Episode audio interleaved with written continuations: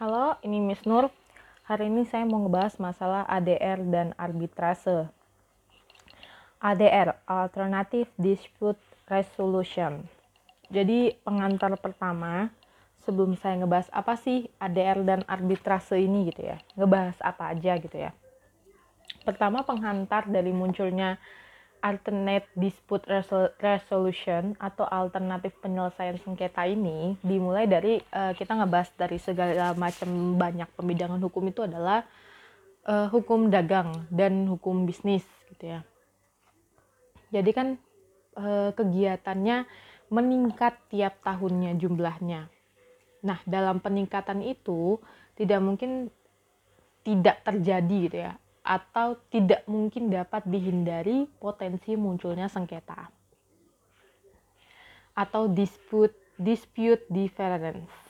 Nah, kalau sengketa dagang ini dibiarkan berlarut-larut, terlambat diselesaikan akan mengakibatkan perkembangan pembangunan ekonomi tidak efisien, produktivitas menurun, dunia bisnis mengalami kemandulan dan biaya produksi meningkat awal mulanya sudah ada gitu ya secara konvensional yang kita pahami bersama penyelesaian sengketa melalui jalur litigasi atau di hadapan atau tatap muka pengadilan. Cuman permasalahannya kalau untuk sengketa dagang atau sengketa bisnis, model ini tidak cukup diterima. Alasannya pertama, Posisi para pihak yang bersengketa itu jadi antagonistis, saling berlawanan satu sama lain. Nah, prosesnya juga cukup lama di peradilan. Jadi kan kalau misalnya kita tahu eh, jalur litigasi gitu ya, anak-anak hukum non hukum pun juga melihat gitu ya, ketika alur persidangan kan akan dimulai dari pembacaan tuntutan atau dakwaan, terus atau gugatan gitu terus jawaban, terus pemeriksaan saksi dan alat bukti dan barang bukti gitu ya kalau di pidana. Terus habis itu baru pertimbangan hakim itu singkatnya, panjangnya lebih bisa dipajabarin lagi tentang bagaimana beracara di pengadilan. Nah, waktu yang lama, terus ketika misalnya dari awal sudah berlawan-lawanan, otomatis kan hubungan kemitraan, hubungan bisnis tuh bisa jadi pecah setelah itu. Nah, makanya bentuk litigasi itu tidak cukup uh, diterima di dunia bisnis. Akhirnya muncul model baru. Model ini populer di Amerika Serikat dan Eropa yang dikenal dengan nama alternatif penyelesaian sengketa ADR bahasa Inggrisnya Alternative Dispute Resolution yang di antaranya meliputi negosiasi, mediasi, dan arbitrase. Tapi meskipun demikian, walaupun ada ADR, jalur litigasi itu tak tidak uh, tidak ditutup gitu. Bisa ditempuh, tapi ultimatum remedium final. Kalau misalnya udah nggak bisa selesai di ADR, baru udah dialihin ke sana. Jadi ada bukan hasil uh, sikit-sikit ada sengketa terus langsung dibawa ke pengadilan enggak, tapi di kalau dalam hukum bisnis, kalau dalam hukum dagang sebisa mungkin diselesaikan dengan jalur alternatif. Nah, Alasan dikembangkannya ADR di Amerika itu adalah kebutuhan karena kebutuhan-kebutuhan sebagai berikut. Satu, mengurangi kemacetan di pengadilan. Kemacetan di sini berarti sudah cukup banyak kasus yang diajukan ke pengadilan menyebabkan proses pengadilan sering kali berkepanjangan sehingga memakan biaya yang tinggi dan sering memberikan hasil yang kurang memuaskan. Tadi yang saya saparkan udahlah dia punya proses beracara yang panjang dan biasanya perkara di pengadilan pun banyak, maka bisa jadi menumpuk, tidak langsung bisa diselesaikan. Yang kedua, meningkatkan ketertiban masyarakat dalam proses penyelesaian sengketa. Yang ketiga, memperlancar serta memperluas akses ke pengadilan. Yang keempat, memberikan kesempatan bagi tercapainya penyelesaian sengketa yang menghasilkan keputusan yang dapat diterima oleh semua pihak dan memuaskan. Nah, ini juga perlu dipahami gitu ya. Dalam proses penyelesaian sengketa setidaknya ada tiga faktor utama yang mempengaruhi. Satu, kepentingan, interest. Dua, hak-hak atau rights. Dan tiga, status kepua, kekuasaan atau power. Sebelum saya masuk dengan pasti gitu ya, apa itu yang dimaksud dengan alternative dispute resolution atau alternatif penyelesaian sengketa? Terlebih dulu saya mau menjelaskan berbagai jenis proses dan metode untuk menyelesaikan sengketa yang muncul. Tadi kan saya cuma nyebutin dua. litigasi dan non-litigasi yang lewat si ADR. Nah, ini penjabaran agak sedikit lebih rigidnya atau lebih detailnya. Yang pertama modelnya adalah proses adjudikasi, adjudicative process. Yang satu, ulang lagi litigasi sebagai proses gugatan atau suatu konflik yang diritualisasikan untuk menggantikan konflik sesungguhnya di mana para pihak memberikan kepada seorang pengambil keputusan dua pilihan yang bertentangan. Litigasi merupakan proses yang sangat dikenal familiar bagi para lawyer dengan karakteristik adanya pihak ketiga yang punya kekuatan untuk memutuskan to impose solusi di antara pihak yang bersengketa. Litigasi diartikan sebagai proses administrasi dan peradilan, court and administrative proceedings. Oke. Yang kedua, ada ini masih dalam adjudikasi. Jadi adjudikasi itu dia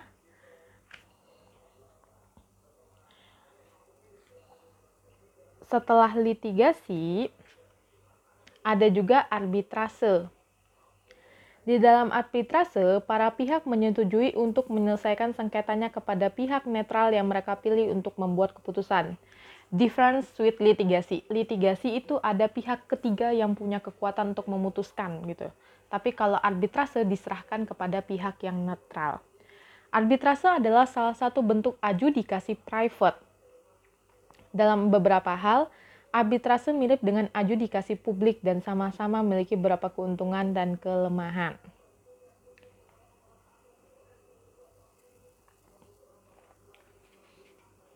Arbitrase dapat lebih cepat dan murah dibandingkan dengan adjudikasi publik. Arbitrase juga cenderung lebih informal Arbitrase bersifat sukarela. Di dalam arbitrase, para pihak dapat memilih hakim yang mereka inginkan. Itu tadi sudah saya jabarin. Oke, tadi itu tentang adjudikasi proses. Yang kedua, konsensus proses. Yang pertama dalam bagian konsensus proses ini ada ombudsman sebutan suatu badan atau institusi yang tugasnya menginvestigasi keberatan dan mencegah terjadinya sengketa para pihak untuk memfasilitasi pemecahan masalahnya. Metode yang digunakan oleh ombudsman adalah investigasi, publikasi, dan rekomendasi.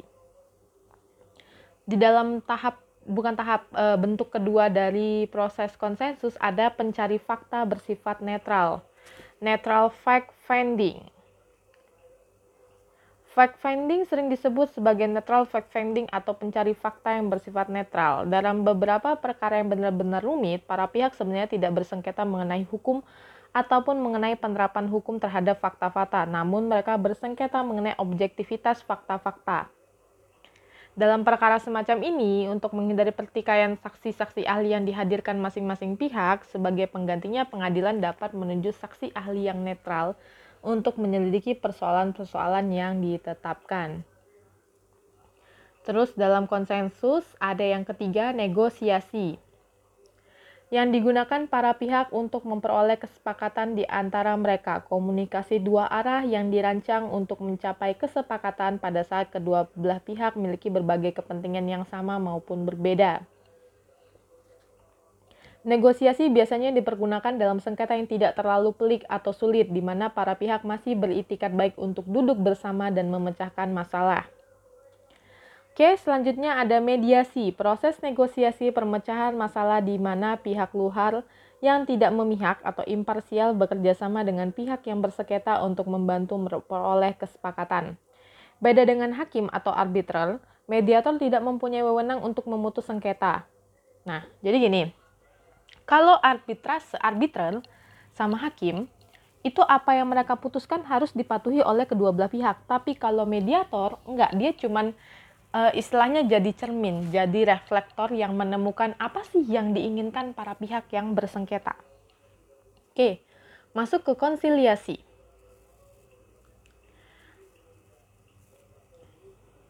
Konsiliasi adalah eh, dia ngacu pada pola proses penyelesaian sengketa secara konsensus antar pihak di mana pihak netral dapat berperan aktif maupun tidak aktif. Pihak-pihak yang bersengketa harus menyatakan persetujuan atas usulan pihak ketiga tersebut dan menjadikan sebagai kesepakatan penyelesaian sengketa. Oke, itu selesai di proses kedua yang konsensus tadi sudah ada adjudikasi, litigasi dan arbitrasi. Yang kedua sudah ada e, proses konsensus, ada ombudsman, ada e, pencari fakta, ada negosiasi, mediasi dan konsiliasi. Yang ketiga ada proses adjudikasi semu, kuasi adjudicatory proses. Ini dia combine mediasi arbitrase. Terus ada persidangan mini atau mini trial.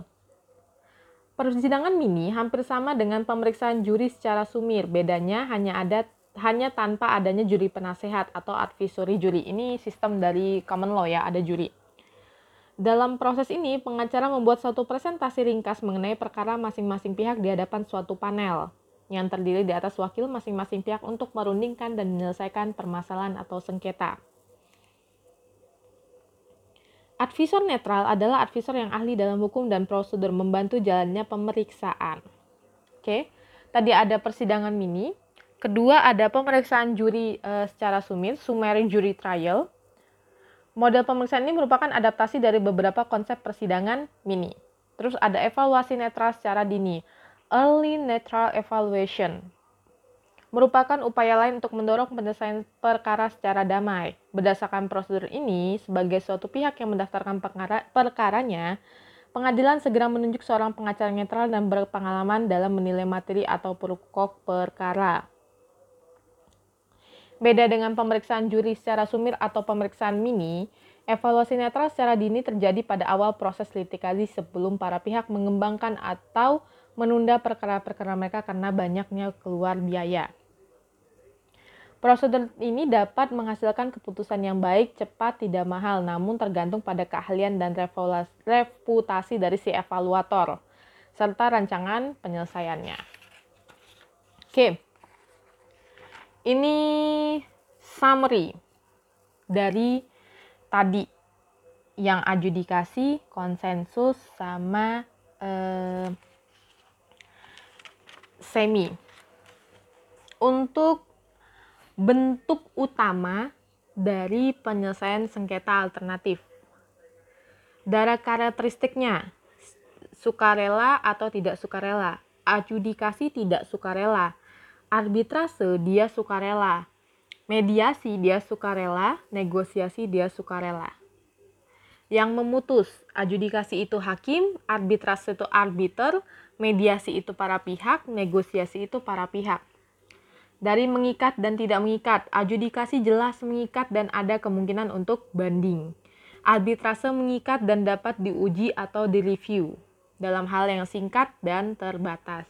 Mediasi mengikat apabila terjadi kesepakatan enforceable sebagai kontrak.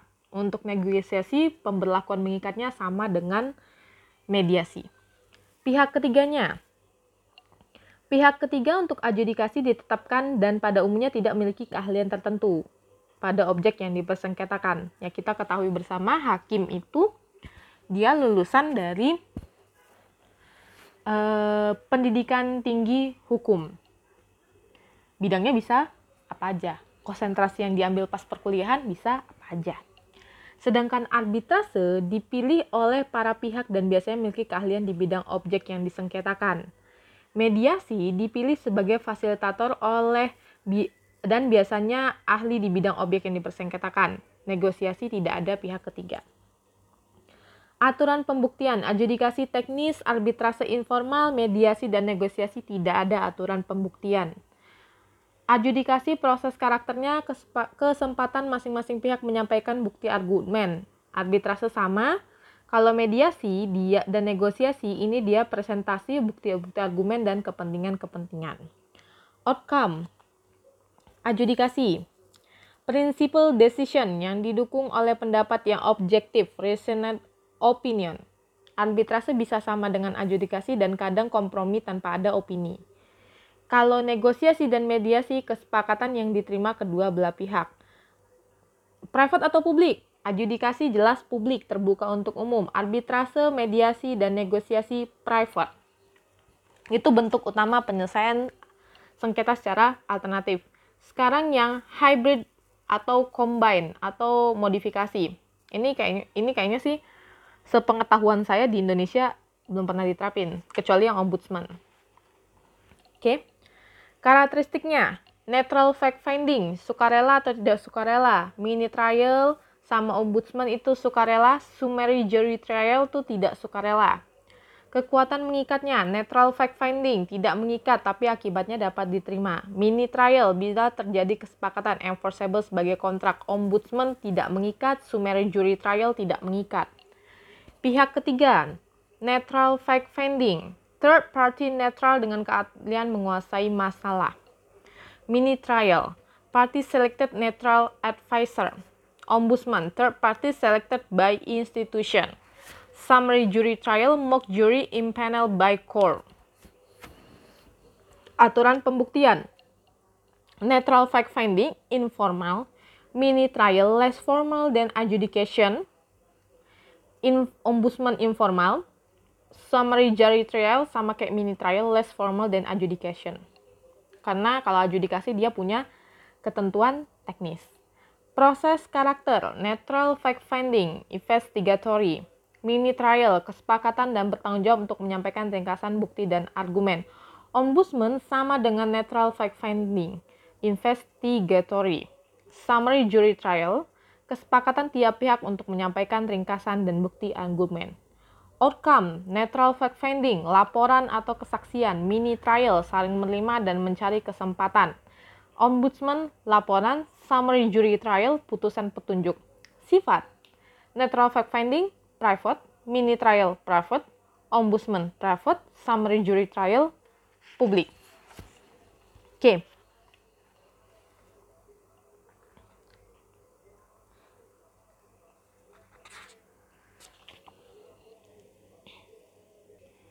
Untuk di Indonesia, setidaknya terdapat lima faktor utama yang memberikan dasar diperlukan pengembangan ADR. Satu, cara meningkatkan daya saing dalam mengundang penanaman modal asing ke Indonesia. Kepastian hukum termasuk ketersediaan sistem penyelesaian sengketa yang efisien diperlukan. Yang kedua, tuntutan masyarakat terhadap mekanisme yang efisien dan lebih memenuhi rasa keadilan. Yang ketiga, meningkatkan daya kritis masyarakat yang diiringi dengan tuntutan berperan aktif dalam proses pembangunan. Yang keempat, hak masyarakat berperan serta memiliki makna perlunya pengembangan mekanisme penyelesaian konflik untuk mewadahi perbedaan tersebut. Yang kelima, menumbuhkan iklim persaingan yang sehat bagi lembaga peradilan. Kehadiran lembaga-lembaga ADR dan kuasi pengadilan atau tribunal apabila sifat pilihannya opsional, maka akan terjadi proses seleksi yang menggambarkan tingkat kepercayaan masyarakat.